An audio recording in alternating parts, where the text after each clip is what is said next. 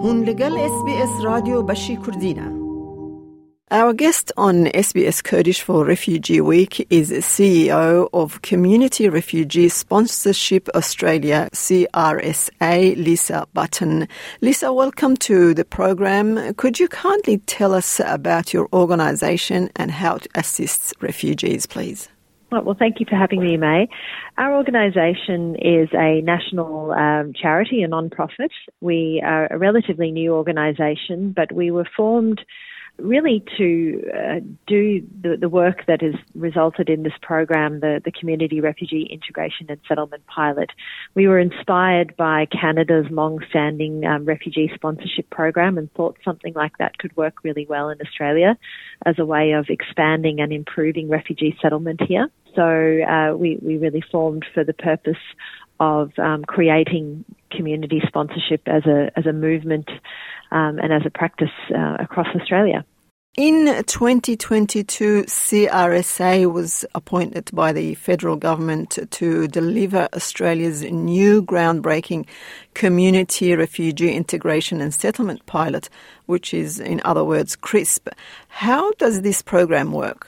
Yeah, so this program is uh, really about uh, mobilising groups of everyday Australians. So people don't need any particular qualifications. You know, any uh, group of five or more adult Australian citizens or permanent residents can come together as a group, put their hands up and say, we would like to welcome and support the resettlement of a refugee household from overseas directly into our local community.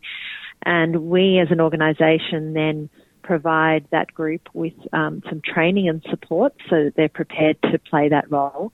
We then match them up with a refugee household who uh, will be receiving a visa from the Department of Home Affairs, who's waiting resettlement overseas. The group then gets in touch with that household before they arrive in Australia and gets to know them a bit and work out, you know, what their needs are likely to be, what their aspirations are likely to be when they come to Australia.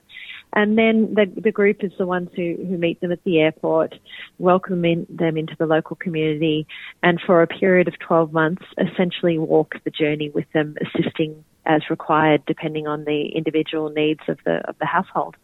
So, what kind of assistance does the um, group provide to the newly arrived refugees? Yeah, so there's a range of um, different responsibilities of the group. Um, there's meeting them at the airport and providing uh, initial temporary accommodation for the household on, on arrival while the, the family or the individual is looking for more permanent housing. And then it's also assisting uh, that household in securing uh, longer term housing, uh, as well as some initial support with um, with income uh, just for a, few weeks until the family is um, established on Centrelink or has employment income, and also uh, providing the family with basic household goods on arrival, so just the basic furniture and things that they need to set up their new home. And um, Lisa, how long does the family or the individual um, refugee stay with the group or with the family? So it's not intended that the uh, the refugee newcomers would necessarily reside with um, with the group. Usually, uh, they they will live in their own accommodation, but there is an expectation that that group will support the refugee newcomers for a period of 12 months. Now, in the event that something unexpected happens, there are um, safety nets and other uh, ways of supporting the refugee newcomers if, if for some reason that's not viable. Uh, but typically it's a 12 month commitment. And what we normally see is at that 12 month mark, often, you know, friendships are being formed.